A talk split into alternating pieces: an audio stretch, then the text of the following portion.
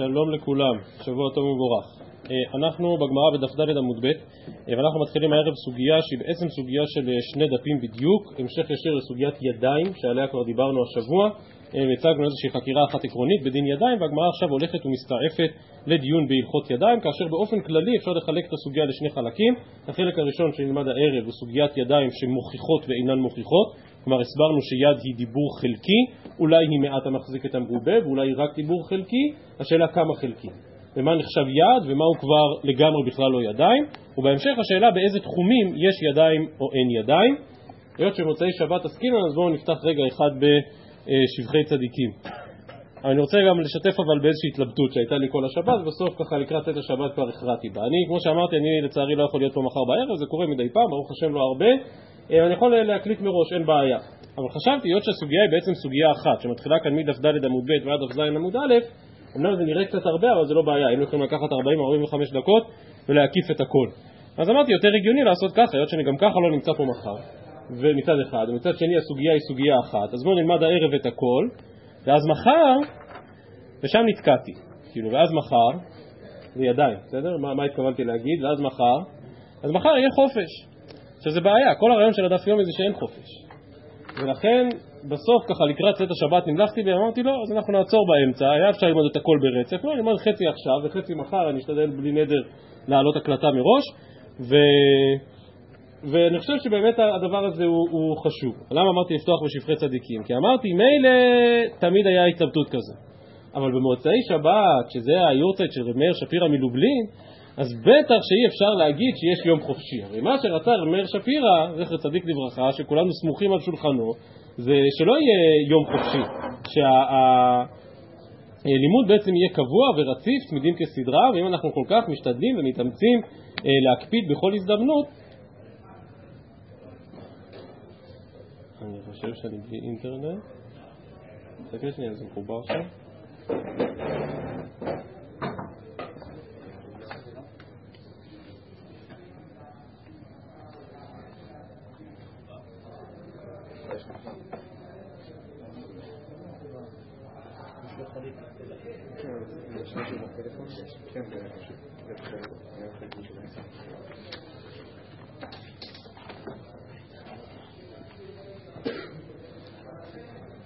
לא, אני חושב שזה עובד.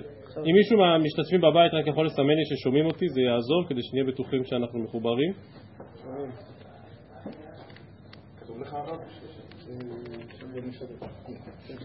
כן, בסדר, אוקיי. אבל עדיין, משום מה, אני לא עם החיבור הרגיל. כן, אני אסמוך עליו שהוא יציב? אני כאילו עם הווי-פיי. טוב, יפה.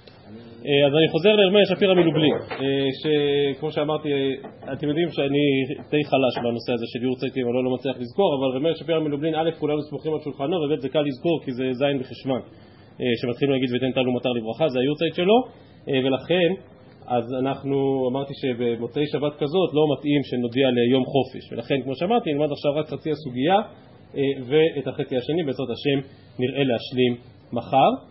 אה, מעניין לעניין באותו העניין, אז, אז אתם יודעים שגם הרב ליכטנשטיין לא היה כל כך שגור על לשונו סיפורי צדיקים, אבל פעם הוא סיפר סיפור על רב מאיר שפירא מלובלין, בעל ההילולה, והוא סיפר אותו בשיעור שעסקנו בידו. אז רק אספר לכם את הסיפור, וזה מבוא שוב לסוגיה שאנחנו לומדים הערב.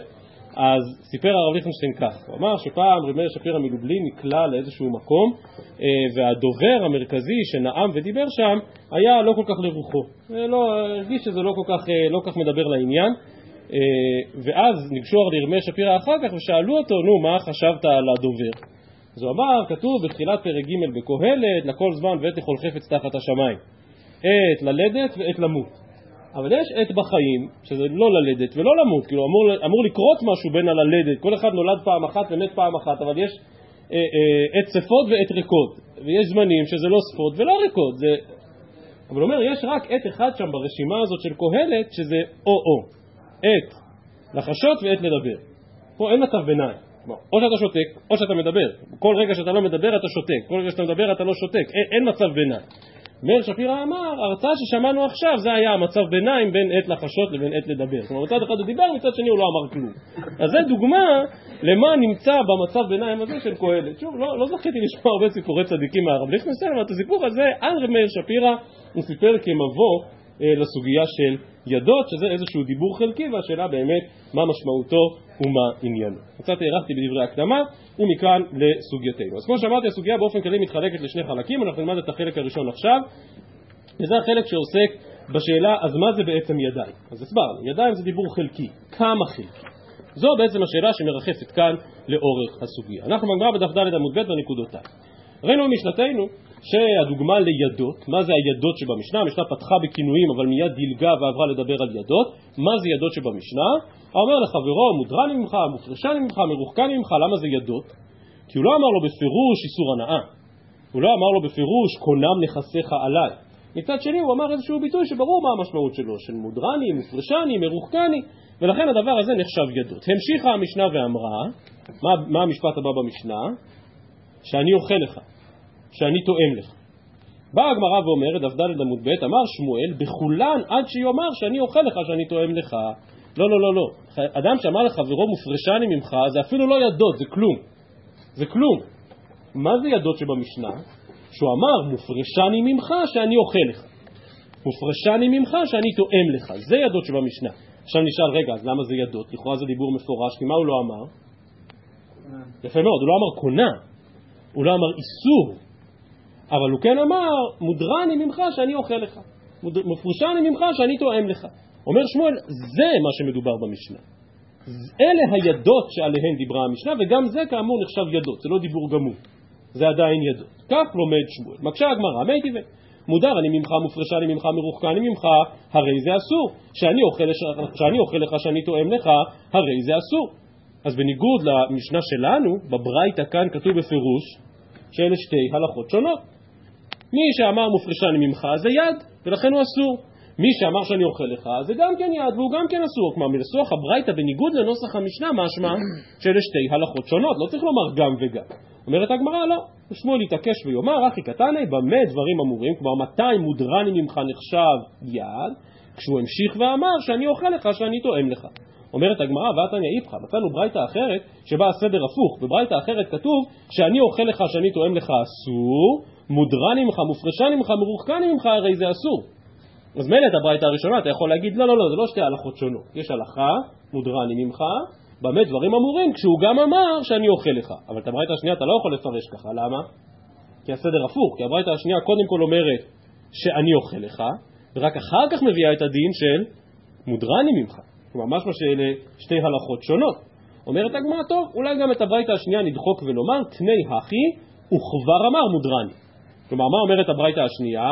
שאני אוכל לך אסור, אם הוא כבר אמר לפני כן מודרן. אומרת הגמרא, אי הכי היינו רישא. אז אם זה מה שהברייתא השנייה רוצה לחדש, אז היא אותו דבר כמו הברייתא הראשונה. יש קצת דיון בין המפרשים, למה קוראים לזה רישא וסיפא, הרי זה לא ברייתא אחת, יש שתי ברייתות שונות. רישא הכוונה הברייתא הקודמת. אבל עוד, הקושייה היותר גדולה היא, אסור אסור למה לי למיתני. אם כדבריך, שמואל, הברייתא הזאת מדברת על שתי הלכות שונות, סליחה, על הלכה אחת, על משפט אחד רציף, מודרני ממך שאני אוכל לך, אז למה כתוב כאן פעמיים את המילה אסור? איך צריך לומר? מודרני ממך שאני אוכל לך, מה הדין? אסור. אבל אתה לא יכול להגיד פעמיים מודרני ממך אסור, משהו שזו הלכה אחת, שאני אוכל לך זו הלכה שנייה. יחי היינו רישא ועוד אסור אסור למה לי למיתנה. אלא באמת הגמרא חוזרת, אז לא, כנראה זה לא מה ששמואל אמר. שמואל לא אמר שצריך לומר את כל המשפט, מודרני ממך שאני אוכל לך, לא. אלא מה כן שמואל אמר? אלא אמר שמואל, טעם הדאמר שאני אוכל לך, שאני תואם לך, אז הוא אסור וחברו מותר. כלומר, מה המשמעות של הלשון הזו? שהוא נאסר בנכסי חברו. הוא אומר, אני לא אוכל משלך. אני, יש לי כאן איסור הנאה ואני לא אהנה משלך. הוא אסור וחברו מותר. אבל אמר מודרני הימך, או בלשון שלנו מודרני ממך לחודי, אז שניהם אסורים. כלומר, אם הוא אמר שאני אוכל לך, מה הוא התכוון? אני אסור עליך. כלומר, אני לא יהנה משלך. אבל זה לא הדדי. לעומת זאת, אם הוא אמר מודרני ממך, אז שניהם אסורים. ומביאה הגמרא הוכחה, דפי עמוד א', כי הדה אמר רבי יוסף ורבי חנינא, מודרני הימך, שוב, הימך הכוונה ממך, שניהם אסורים. מדוע? למה? מה ההבדל בין הלשון לך לבין הלשון ממך? אני קורא כאן את הראש בתחילת דפי עמוד א'. אומר הראש, אבל מודרני ממך לחודי שניהם אסורים, דמשמע מודרני ממך מליהנות לך, וגם הנאתי מודרת לך, שלא תהנה ממני. כלומר הראש איכשהו הבין שממך הכוונה שזה הדדי, אינמי אומר הראש, כשהוא אמר ממך הוא התכוון לומר בדלני ממך מכל וכל, שלי שלי ושלך שלך. כלומר הלשון ממך יותר משמע שזה נתק הדדי, נתק דו-סטרי. וזה מה ששמואל התכוון לומר. דהיינו שאם הוא אמר שאני אוכל לך, שאני תואם לך, אז הוא באמת לא יכול ליהנות מחברו, אבל חברו יכול ליהנות ממנו. אבל אם הוא היה אומר מודרני ממך, אז באמת שניהם היו אסורים, כמו שאמר רבי יוסי ברבי חנין. טוב, אז כנראה זה הפשט של שמואל. אומרת הגמרא תנן, ראינו במשנה בהמשך המסכת, הריני עליך חרם, המודר אסור, אבל המדיר לא. כלומר, כאשר אני אומר עליך, אני עליך חרם, אז, אז אתה באמת לא יכול ליהנות ממני, אבל אני מותר לי ליהנות ממך. אבל לפי דבריך, המילה עליך גם היא אמורה להיות אה, דו-סטרית, אמורה להיות הדדית. אומרת הגמרא לא, כאן מדובר כגון דה פריש ואת עליי לא. כלומר, אני אומר שאתה לא תהנה ממני, אבל אני כן יהנה ממך. אותו דבר ממשיכה המשנה ואומרת, את עליי חרם, אז עוד פעם, הנודר אסור אבל מודר לא, שוב, זה אמור להיות הדדי, ושוב עונה הגמרא, כגון דה פריש ואנה הלך לו. כלומר, הוא הדגיש ואמר, את עליי חרם, ואני עליך לא. אבל הנה חינמי, אבל סתמה, כלומר אם הוא סתם אמר את עליי חרם, בלי להוסיף את המשפט ואני עליך לא, מאי? האם במצב כזה באמת שניהם אסורים? לא יכול להיות, כי עמי דקתני סיפא בסיומה של אותה משנה, הריני עליך ואת עליי, שניהם אסורים. הדין, כלומר דווקא במקרה כזה עוד שניהם אסורים. הסתמה, כלומר סתם אדם שאמר לחברו הרי אתה עליי חרם, הסתמה הוא אסור וחברו מותר. וזה בדיוק הפוך מההיגיון של רבי יוסי ברבי חנינא, שחילק בין לך לבין ממך. אלא אומרת הגמרא, על כורחם ולשנות גם את רבי יוסי ברבי חנינא. אלא הכי יתמר דרבי יוסי ברבי חנינא, הפוך. אם הוא אמר מודר אני לך, שניהם אסורים. אבל אם הוא אמר מודרני הימך, כלומר מודרני ממך, אז הוא אסור וחברו מותר. עכשיו, מקודם ציטטתי את דברי הראש, שבעצם מנסה להסביר את ההיגיון, אבל עכשיו אני אצטט דווקא את דברי הר"ן שמסביר את המסקנה של הגמרא. כשהגמרא חוזרת בה, כלומר דווקא כשהוא אומר לך, אז שניהם אסורים, אומר הר"ן, כלומר נכסיי אסורים לך ומשמע משלך, מה שאין כן כשאמר ממך לא משמע הכי.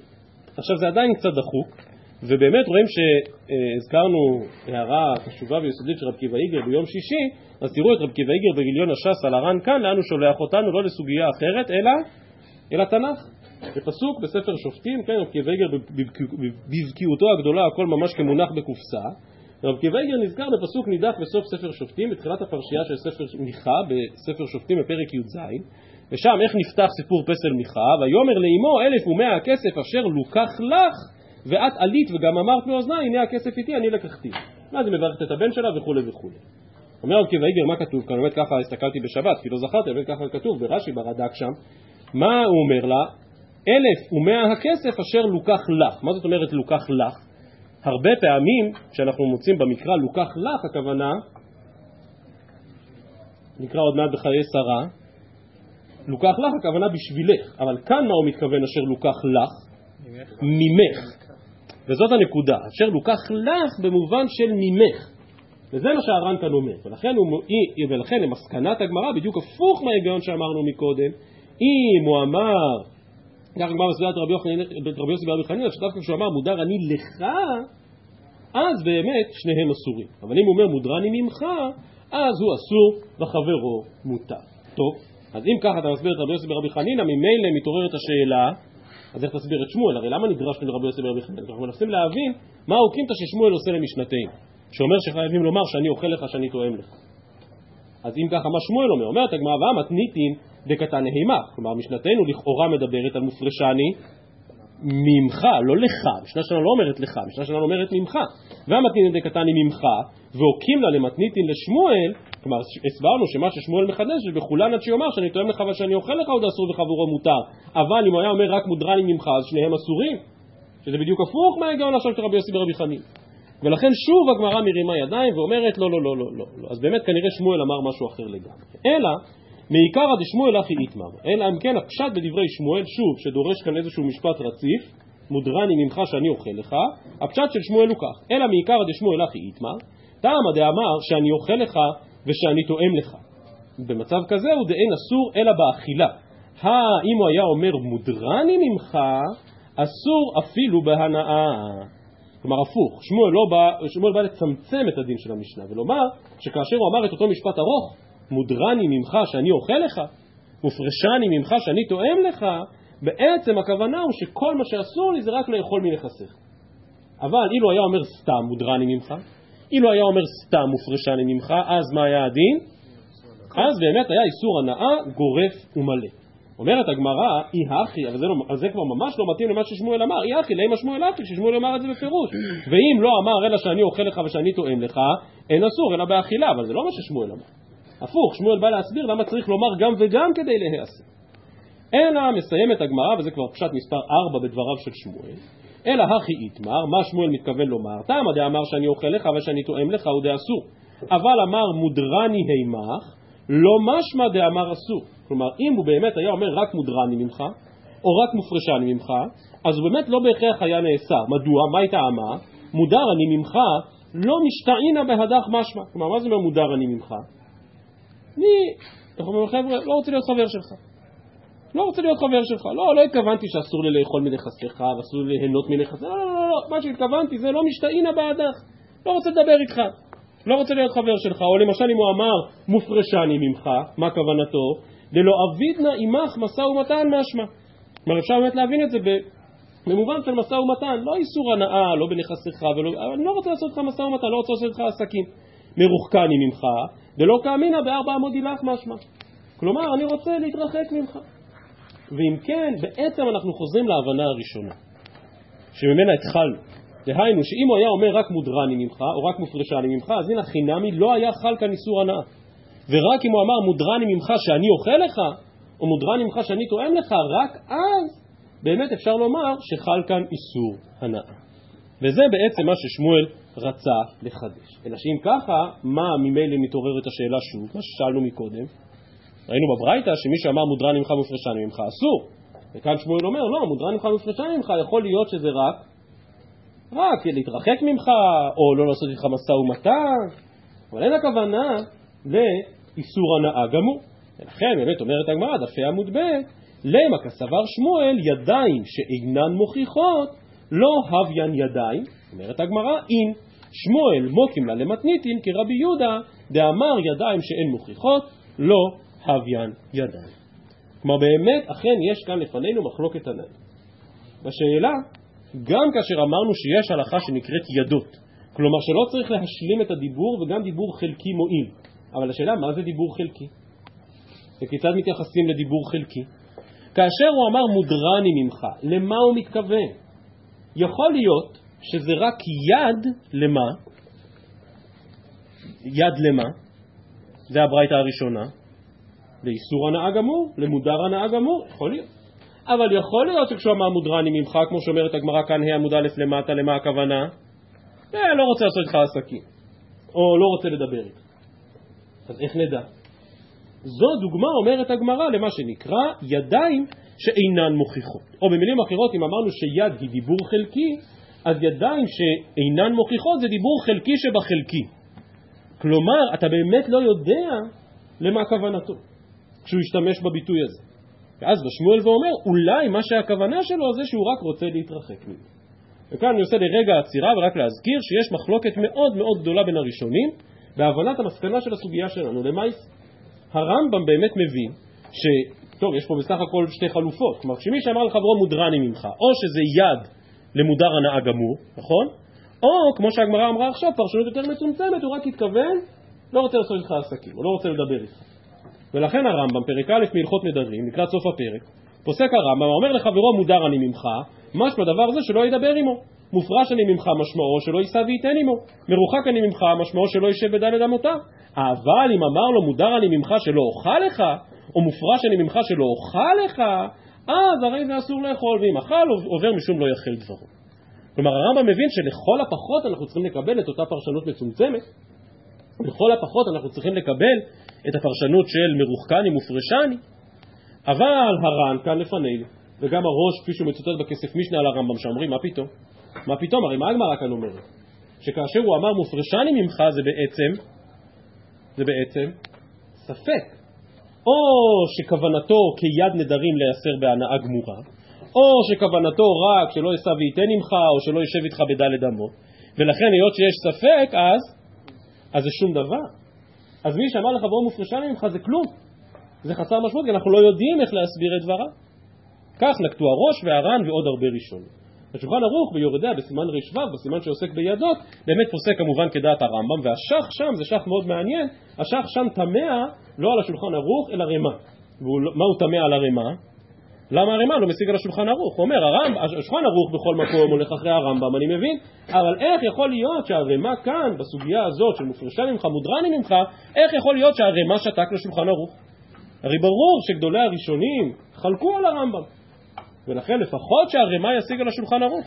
עד כדי כך שהשח מוכיח מהמשך הסימן שיש פה ממש טעות סופר. שהערימה השיגה לשולחן ערוך, אבל ההשגה נשמטה מאיתנו, ומהמשך הסימן משמע שהערימה באמת משיגה לשולחן ערוך. טוב, אנחנו לא לומדים עכשיו יורדי הרשווה, מי שרוצה יכול לעיין שם.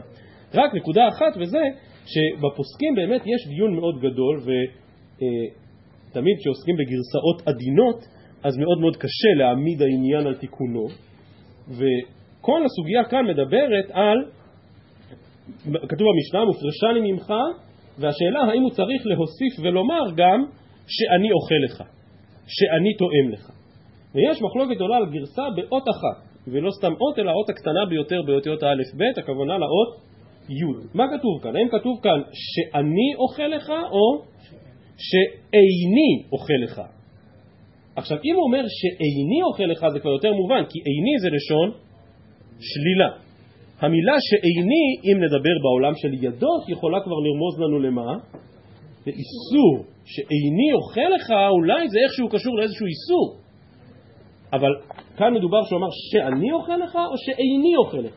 אז גם הדבר הזה כאמור דיון גדול בין הראשונים כאן, גם הראשונים כאן לפנינו על הדף, גם הפסקים שם ביורדיה בסימן רשו, וכאמור זה דיון גדול ונרחב בשאלה, אז בעצם כיצד להבין את מסקנת הסוגיה שלה. ובכן, אומרת הגמרא, שבאמת שמואל, כדי לומר את הפשט הזה, דהיינו שמי שאמר רק מודרני ממך, מופרשה ממך, באמת זה לא איסור הנאה, צריך לומר שהביטויים הללו הן ידיים שאינן מוכיחות. כלומר, לא רק שזה דיבור חלקי, אלא זה דיבור חלקי עמום ומעורפל. דיבור חלקי שאי אפשר להבין באמת מה כוונתו, והיות שמדובר על ידיים שאינן מוכיחות, לא הביין ידיים. אומרת הגמרא, האומנם, אני קורא שוב, ה' עמוד ב' למעלה, למה כסבר שמואל ידיים שאינן מוכיחות לא הבדיין ידיים? אומרת הגמרא, אם באמת ככה שמואל סבר. שמואל מוקרם למתניתין כרבי יהודה, דאמר ידיים שאין מוכיחות לא הבדיין ידיים. היכן מצאנו רבי יהודה בתנאים, שבאמת סבור שידיים שאינן מוכיחות לא הבדיין ידיים? זה קשור יותר לסוגיה שנלמד מחר, אבל הגמרא כאן מתחילה עכשיו נדידה ארוכה מאוד בסוגיה לכאורה שונה לחלוטין. אומרת הגמרא דתנא, גופו של גט, בעל רוצה לגרש את אשתו, כיצד מנסחים את הגט? הרי את מותרת לכל אדם. נכון, כותבים בגט גם את הזמן ואת המקום ואת העדים, אבל גופו של גט, ליבת הגט מהי? הרי את מותרת לכל אדם. זה מה שצריך לכתוב בגט, כך דעת החכמים. רבי יהודה אומר, לא, לא, לא, זה לא מספיק. חסר כאן משהו חיוני, מהותי, מגופו של הגט. רבי יהודה אומר, ודין דיהבי ליכי מיני, ספר תירוכין ואיגרת שיווקי. ולדעת רבי יהודה, גם הוא כתב לה בשטר הגט, הרי את מותרת לכל אדם, זה עוד לא מספיק, כי מה חסר? מה חסר? הנוסח. מה? הנוסח. לא, הנוסח זה הנוסח. ברור שעיקר הנוסח זה הרי את מותרת לכל אדם. מה רבי יהודה הוסיף? מה יש במילים של רבי יהודה הוסיף שלא נמצאים במילים של חכמים? יפה מאוד. חסרות פה הנפשות הפועלות. ודין, מה זה ודין? וזה יהב אלייך מיני ספר תירוכין ואיגרת שיווקים. כלומר, רבי יהודה אומר, זה שהוא אמר הרי מותרת לכל אדם, מי? תשמע, ברור מי. יש פה ראובן שנותן גט לאשתו חנה. נו, אז הוא המגרש והיא המתגרשת. לא, לא, אומר רבי יהודה, לא, אני לא יודע. אולי הוא שליח לקבל גט והיא שליחה לקבל, הוא שליח לתת גט והיא שליחה לקבל את הגט. אולי יש כאן משהו אחר. אולי הגט הזה הוא רק שטר ראייה, גט יכול להיות שטר ראייה? גט הוא גם שטר ראייה על זה שהוא גירושין, אבל ברור שעיקר הגט זה מה שיוצר את החלות, זה מה שיוצר את הגירושין. ולכן דורש רבי יהודה שיהיה כתוב בגט ודין יהבי לכי מיני, כלומר זה הגט, אני נותן אותו, ובאמצעותו אני מגרש. טוב, האם זה קשור לסוגיית ידיים? על פניו היינו אומרים, לא בדיוק, ידיים זו סוגיה מסכת נדרים, זו סוגיה מסכת גיטין, אבל הגמרא, ושוב נרחיב בזה יותר מחר, בעצם אומרת גם כאן השאלה היא שאלה של ידיים. השאלה כאן היא שאלה של דיבור חלקי ולא מבורר ולא מספיק. עכשיו יש כאן מחלוקת גדולה בין הראשונים, אני לא אכנס אליה כאן, מה בדיוק, מה, מה מילת הקסם שחסרה לרבי יהודה? האם המילה ודין או המילה מיני? ויש הרבה ראשונים שאומרים גם וגם. כלומר יש כאן שתי מחלוקות בין רבי יהודה לחכמים. א', עד כמה המילה ודין נחוצה, כלומר שנבין שזה השטר, זה הדבר, זה הגט, וגם עד כמה נחוצה המילה מיני, כלומר שנדגיש שזה דווקא ממנו כדי שוב שלא נחשוב שאולי הוא שליח של מישהו או איש שליחה של מישהו וכו'. אבל על כל פנים רבי יהודה חולק על התנא קמא ואומר נכון עיקר הגט זה הרי את מותרת אבל הרי את מותרת זה עדיין רק ידות. וצריך לברר יותר מה קרה כאן ודין ומיני ואם כן בא שמואל ואומר שידיים שאינן מוכיחות וזה המקרה כאן של ודין יהיה ולכי מיני המקרה הזה של ידיים שאינן מוכיחות הוא באמת אליבא דרבי יהודה. אם כן, זו שיטתו של שמואל. וממילא נחזור לענייננו, מי שאמר מופרשני ממך, זה כמו אדם שכתב לאשתו בגט, הרי את מותרת לכל אדם. אבל הוא לא כתב לה ודין, הוא כתב לה שזה הגט, הוא לא כתב מיני, ולכן, כמו שלפי רבי יהודה זה לא מועיל בגיטין, ככה גם בנדרים הוא אמר מופרשני ממך זה לא מועיל עד שהוא לא יאמר מופרשני ממך שאני אוכל לך, מודרני ממך שאני תואם לך, ורק אז זה יועיל. כך לומד שמואל את משנתנו. שואלת הגמרא, מאי דחיק שמואל לאוקמה למתניתין כרבי יהודה, אז למה, למה? בסדר, הבנתי שככה שמואל לומד את המשנה, אבל למה להעמיד את המשנה כרבי יהודה? לא כמו כרבנן, אף על גב דאין ידיים מוכיחות, ותאמר שהמשנה היא כמו הברייתות שראינו מקודם. דהיינו שמשנתנו מחדשת, שמספיק לומר רק מופרשני ממך וכבר זה איסור. כמו שבגט חכמים סבורים שהרי את מותרת לכל אדם זה כבר גט, גם אם הוא לא כתב ודין ולא כתב מיני, אז אולי תאמר אותו דבר, כך גם בנדרים. לא כמו כרבנן ואף על גב דאין הידיים מוכיחות. ענה הגמרא, אמר רבא, מתניתין קשיטי. כלומר, שמואל התקשה בהבנת עצם הפשט במשנה. אמי תנא שאני אוכל לך שאני תואם לך, ליטני שאני אוכל שאני תואם. שמע מינה באינן ידיים מוכיחות. וכאן יש דבר מאוד מעניין. לכל אורך הסוגיה הבנו שלדעת שמואל, כאשר אומרים רק מופרשני, רק מרוחקני, מה חסר? מה חסר? האיסור, או, או יותר מהאיסור, אלא זה שאני לא אוכל ממך, שאני טועם. פתאום אומרת הגמרא, רגע, אבל לפי כל התפיסה הזאת של רבי יהודה וחכמים בגיטין, אז יש עוד מילה שהופכת להיות מאוד חיונית, והיא המילה, והיא המילה לך. כלומר, למה המשנה שלנו, גם אם המשנה צריכה, או אני אומר כך, גם אם המשנה לא מסתפקת במופרשן, גם אם המשנה לא מסתפקת במודרני, אלא צריך לומר מודרני ממך שאני אוכל. מודרני ממך שאני טועם. אבל למה המשנה אומרת שאני טועם לך, שאני אוכל לך? אומר שמואל, תוספת המילה הזו בהכרח באה בהשראת מי? בהשראת רבי יהודה. זה מאוד מזכיר לי את רבי יהודה של גיטין שדורש לומר ודין, ודורש לומר מיני, כי בלי זה באמת משהו חסר. וזה אם כן המהלך של שמואל, וזה הפשט של שמואל בלומדו את משנתנו. כלומר, המשנה באמת הוסיפה את שאני אוכל לך, שאני תואם לך, מכאן שהמשנה שלנו היא אליבא דעתנא של ידיים מוכיחות. ולכן אנחנו מבינים שהמשנה דורשת לומר מופרשני ממך שאני אוכל לך, מופרשני ממך שאני תואם לך. ובלי זה זה נשאר בגדר ידיים שאינן מוכיחות. אז זו אם כן המחלוקת בין רבי יהודה לבין חכמים. לפי זה אנחנו אמורים להיות קצת מופתעים מהשורה הבאה בגמרא. אומרת הגמרא איתמר, ידיים שאין מוכיחות, אביי אמר הוויין ידיים, ורבא אמר לא הוויין ידיים. למה אנחנו מופתעים? למה אנחנו אמורים להיות מופתעים? זה מחלוקת תנאים, מה רבא ואביי צריכים לחלוק בזה? מיד הגמרא תשאל. אז אם כן, ידיים שלנו מוכיחות, אביי אמר הוויין ידיים, רבא אמר לא הוויין ידיים, אמר רבא רב אידי אסבר לי.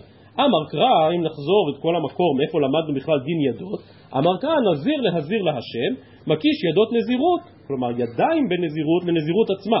מה הנזירות בהפלאה? מה זאת אומרת הפלאה? דיבור ברור, מפורש, חד משמעי, אינו משתמע לשתי פנים. מה נזירות בהפלאה? אף ידות נזירות, גם כאשר מדובר על ידות, הן עדיין צריכות להיות בהפלאה. כלומר, נכון, הדיבור חלקי, אבל, אבל ברור. אני חוזר לביטוי שדיברנו עליו, מעט המחזיק את המרובה, כלומר, נכון שאמרת רק חלק מן המילים, אבל לכולם ברור למה התכוונת, למה אמרת, ולכן יש כאן הפלאה. ולכן, כמו שבנזירות בדרך כלל צריך ידיים מוכיחות, ככה גם כאן אומר רבא שאם הידיים אינן מוכיחות, לא הוויין ידיים. עכשיו שואלת הגמרא, כמו שאמרת מקודם בצדק, רגע, מה, מה, לא הבנתי רבא ואביי, לימן בפלוגתא דרבי יהודה ורבנן כמפליגי, זו כבר מחלוקת תנאים, ראינו לפני רגע. דתנן, גופו של גט, הרי את מותרת לכל אדם, רבי יהודה אומר, ודין די יביא לכם מאי, ספר קירוחים וגט פיטורים וגרת שיווקים. אז לכאורה אביי דאמר כרבנן, שגם ידיים שאינן מוכיחות, מספיק לומר רק הרי את מותרת, לא צריך יותר מזה, וזה מספיק בגט, יספיק גם בנדר, ורבא דאמר כרבי יהודה, כלומר מה צריכים רבא ואביי לחלוק במחלוקת תנאים מפורשת. אומרת הגמרא לא. אמר לך אביי, אנא דאמרי אפילו לרבי יהודה. עד כאן לא כאמר רבי יהודה בעניין ידיים מוכיחות, אלא גבי גט דבעניין כריתות וליקה. כלומר, גט באמת צריך להיות ברור וחד משמעי. כל משמעות הכריתות, כל משמעות הנתק שביניהם, הוא דווקא אם לא משתמע לשני פנים, כמו שאמרנו. ברור מאוד שהוא מגרש אותה בגט הזה וכן הלאה זו הדרך. ולכן רף הדרישה, רף הבירור, רף החד משמעיות בגט הוא יותר משמעותי מבכל תחום אחר. ולכן שם רבי יהודה אומר את מה שהוא אומר, אבל בנדרים רבי יהודה יודע שלא צריך ידיים מוכיחות, וגם ידיים שאינן מוכיחות מועילות. אבל בעלמא משם התנאי, האם בתחומים אחרים כמו נדרים, האם אתה רואה שרבי יהודה דורש ידיים מוכיחות? ורבא אמר מצד שני, אנא דאמרי אפילו לרבנן. עד כאן לא כאמרי רבנן דלא בעניין ידיים מוכיחות, אלא דווקא גבי גט, שאומנם יש צורך בכריתות גמורה, על זה כמובן רבא לא חולק, אבל דבר עמוד א', דאין אדם מגרש את אשת חברו. כלומר, מה לא ברור?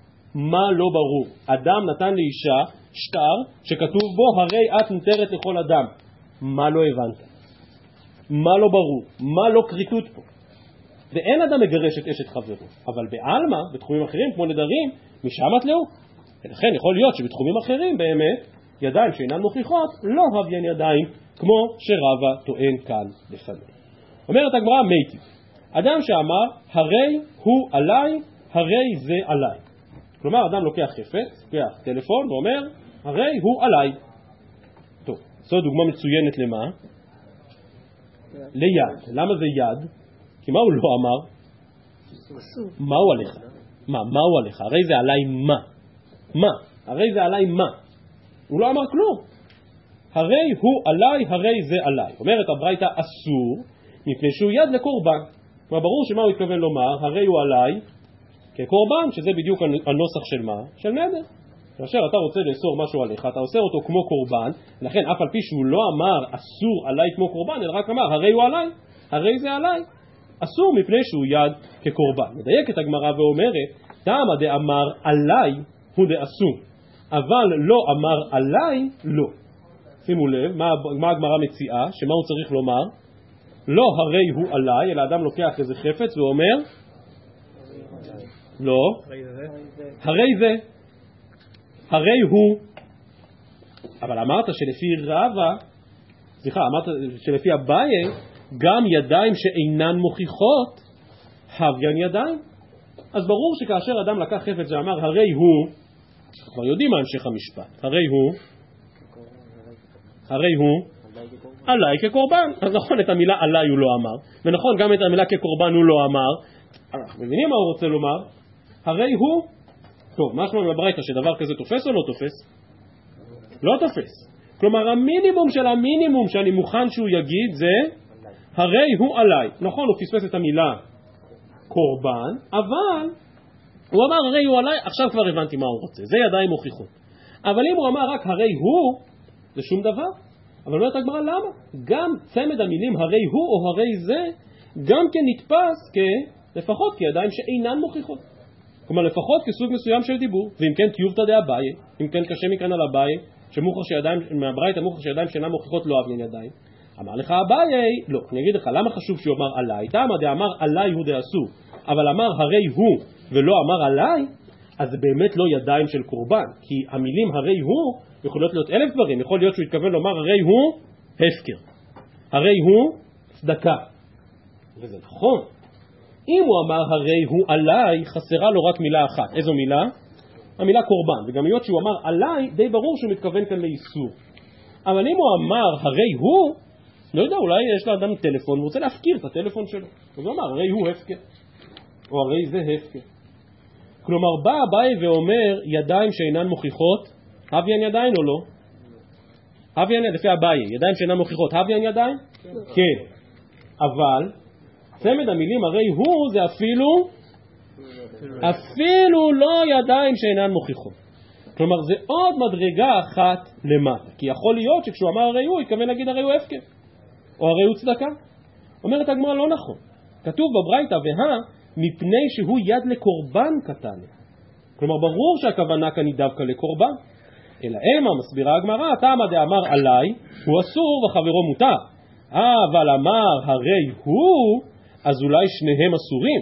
כלומר, הוא לא התכוון לאסור את זה רק עליו כנדר, אלא התכוון לקחת את הטלפון ולאסור אותו על כל העולם, דדילמה הרי הוא הקדש כאמר. ולכן שוב, יוצא שכשהוא אמר את המילים הרי הוא, לא רק, זה, זה, עוד פעם, זה ידיים שאינן מוכיחות, ובאמת האיסור כאן יהיה איסור הרבה יותר רחב. אבל הנה חינמי, גם צמד המילים הרי הוא, בגדר של ידיים שאינן מוכיחות.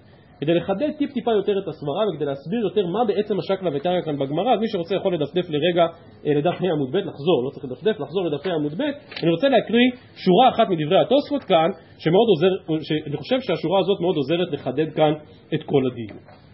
אומרים תוספות, ורי היה מחלק, זה בתוספות גבוה מתחיל ועמיים, דף ה' עמוד ב', ורי היה מחלק בידיים שאין מוכיחות גרועות כמו הגמרא בקידושין, שאם לא אמר לי, הוויין גרועות פי. ואני מדלג שתי שורות בתוספות, אבל כסבר שהוויין ידיים חשובות כי המודרני ממך. בעצם באים תוספות ואומרים, רגע, אם הקדשתם עכשיו חצי שעה ללמוד סוגיית ידיים מוכיחות ושאינן מוכיחות, אז דע לך שגם בתוך מוכיחות ואינן מוכיחות יש רמות רמות ויש דרגות דרגות. יש ידיים שאינן מוכיחות, הייתי אומר בלשוננו שאינן מוכיחות כלום. בלשון התוספות, גרועות. או אפילו גרועות מדי, או גרועות פי מדי. שאלה, זה קצת, אני מרגיש ככה לביטוי הרי הוא. לא, יודע, הרי הוא יכול להיות הרבה דברים. אז אפשר לומר לו, לא, גם זה ברף, גם זה בסף של מה שנקרא ידיים שאינן מוכיחות. ולפחות לפי אביי, ידיים שאינן מוכיחות מועילות. יש ביטויים שהם ידיים שאינן מוכיחות, אבל בלשון התוספות הן חשובות. כלומר, נכון, יכול להיות שהדבר לא מבורר עד הסוף, אבל די ברור. ודי מובן למה הוא התכוון. ואם כן, אם אנחנו חשבנו שנוכל להסתפק בחלוקה בין ידיים מוכיחות לבין ידיים שאינן מוכיחות, למדנו כאן מדברי התוספות שלא, שאפשר, שלא נוכל להסתפק בחלוקה לשתי רמות, אלא יכול להיות שנצטרך לחלק לעוד רמות. כלומר, יש ידיים מוכיחות, יש ידיים שאינן מוכיחות אבל חשובות, יש ידיים שאינן מוכיחות אבל הן גרועות, יש ידיים שאינן מוכיחות והן גרועות יותר מדי, כלומר, יש עוד רמות שונות של דיבורים. כשאני מדלג דיבור אחד קדימה בתוספות כאן בדפי עמוד ב', מהתוספות אני חושב ממש שמים את האצבע לאור התפיסה הזו, שיש רמות רמות רמות בעניין הזה של ידיים מוכיחות ואינן מוכיחות, אומרים תוספות, והקשה הרצווה, אם כן, לא מצינו ידינו ורגלינו, ואם כן, אני חושב שיש פה כפל משמעות, בסדר? לא מצינו ידיים ורגליים, ואם כן, כל מה שידבר אדם עם חברו, יהא נדר, שאם אמר אני אוכל, או אוכל לך, הווה נדר. כלומר, אומרים תוספות רגע, רגע, רגע, רגע. אם אתה אומר שיש דברים מסוימים שאנחנו חשבנו, מה שהסברנו מקודם, שהם בכלל לא ידיים, לא מוכיחות ולא שאינן מוכיחות, זה, זה מילה. בסדר? לסבר את האוזן. כתוב בברייתא, הרי הוא עליי, אז זה אסור. התלבטנו אם אפשר להוריד את המילה עליי. מה קורה כשהוא אמר רק הרי הוא? אתם יודעים מה? אז בואו נמשיך. מה קורה אם הוא אמר רק הרי? לא יודע. אולי? עכשיו אם נראה לכם שהשאלה שאני שואל קצת מצחיקה, אז אחת הסוגיות הראשונות במסכת נזיר היא, שאלתו, היא שאלה לגבי אדם שאומר אהה. אהה. כלומר, אני אהיה? אני אהיה מה? ברור, התחלנו מסכת נזיר, מה אני אהיה? נזיר, טוב, אז זה רק בגלל שהתחלנו מסכת נזיר, אנחנו עכשיו במסכת נדרים, והגמרא שבאמת אומרת ונזיר עובר לפניו. אבל השאלה, שוב, אם אתה מרחיב את הקו של מה שנקרא ידיים שאינן מוכיחות, עד איפה? וכמה? ולא מצאנו ידיים ורגליים, כי כל מילה שאדם יאמר לחברו יכולה או לא יכולה להתפרש כנדר. אז התוספות, שנייה אחת, שנייה אחת, אז התוספות מיישבים, ויש לומר דלא קשה מידי, זה דווקא כשאני אוכל או בשאיני. כלומר, יש כאן שין הקסם. אם הוא אמר שאני אוכל או שאיני אוכל, הזכרנו מקודם את השאלה, זה כבר הולך יותר קרוב לעולם של הנדרים. אבל הנה חינם, אדם שסתם ככה יאמר את המילים אני אוכל, זה לא ידיים, לא מוכיחות ולא שאינן מוכיחות, זה לא שום דבר. אבל שוב, אני חושב שדווקא אחרי שהתוספות מייסדים את העיקרון הזה של רמות מרובות של ידיים, ממילא מתעוררת השאלה שלא מצינו ידיים ורגליים. כלומר שבאמת גם דיבורים חלקיים שבחלקיים יכולים להתפרש באופן של נדר. אז רק ממש בזריזות נשלים עוד משפט אחד ונעצור. ממשיכה הגמרא דף ו' עמוד א' באמצע העמוד ומקשה על אביי מי טבעי, הרי זו חטאת, הרי זו אשם, אף על פי שהוא חייב חטאת ואשם, לא אמר כלום. אבל אם הוא אמר הרי זו חטאתי, הרי זו אשמי, אז אם היה מחויב דבריו קיימים. שוב, הביטוי הרי זו חטאת הוא הרבה יותר טוב מכל מה שדיברנו עד עכשיו. הוא לוקח בהמה ואומר הרי זו חטאת, רק מה הוא שכח להגיד? הוא לא שכח להגיד שזה החטאת שלי. למה זה חשוב? הזכרנו את זה ביום שישי אגב אורחה. כי אדם לא יכול להתנדב קורבן חטאת. ברור שמי שאמר הרי זו עולה או הרי זו שלמים, זאת הדרך להקדיש, אין דרך אחרת להקדיש. אבל חטאת אדם לא יכול להביא סתם, חטאת אדם יכול להביא רק אם, רק אם הוא יתחייב, ולכן הוא חייב לומר שזו החטאת שלו. אז הוא לא אמר שזה שלו, הוא אמר הרי זו חטאת. אומרת הברייתא לא אמר כלום עד שיאמר חטאתי. ואם כן, או אשמי, ואם כן זה ודאי טיובתא דאביי. עכשיו גם אביי מרים ידיים ואמר לך אביי, המאני רבי יהודה, היא באמת נכון. זה דווקא אליבא דרבי יהודה, שאומר שידיים שאינן מוכיחות לא הביין ידיים. שואלת הגמרא את אביי, והאביי, אתה בעצמך אמרת לפני רגע, אנא דאמרי אפילו לרבי יהודה. כלומר שכל מה שרבי יהודה דורש ידיים מוכיחות זה דווקא בגט שיש בו כריתות, אבל בתחומים אחרים גם ידיים שאינן מוכיחות אבן ידיים, אומרת הגמרא הדר בי, אביי חזר. ואביי מסכים לומר שכל תפיסתו שאומרת ידיים שאינן מוכיחות לא הביין ידיים, זה באמת רק אליבא דרבי יהודה. סליחה, אז רק אליבא דחכמים, שגם ידיים שאינן מוכיחות אבן ידיים בגיטי. אומרת הגמרא, אם, אם אביי אז הוא באמת סובר כחכמים, אז בואו נחזור ונשאל לאמא רבא דאמר כרבי יהודה, אמר לך רבא לא, אני על משמרתי אעמודה, אנא דאמר אפילו לרבנן, עד כאן קיים רבנן דלא באינן ידיים מוכיחות, אלא לגבי גט, אדם מגרש את אשת חברו, אבל בעלמא באמת באינן ידיים מוכיחות. אז הארכנו קצת בדברים כדי לנסות איכשהו למצוא דרך בסוגיה הזאת של ידיים מוכיחות ואינן מוכיחות, רק להזכיר את מה שאומרים כאן כל הראשונים, שבגמרא במסכת נזיר נחלקו רבא ואביי עוד פעם בשאלה אם ידיים מוכיחות או שאינן מוכיחות אבי ידיים, אבל שם הפכו דעותיהם.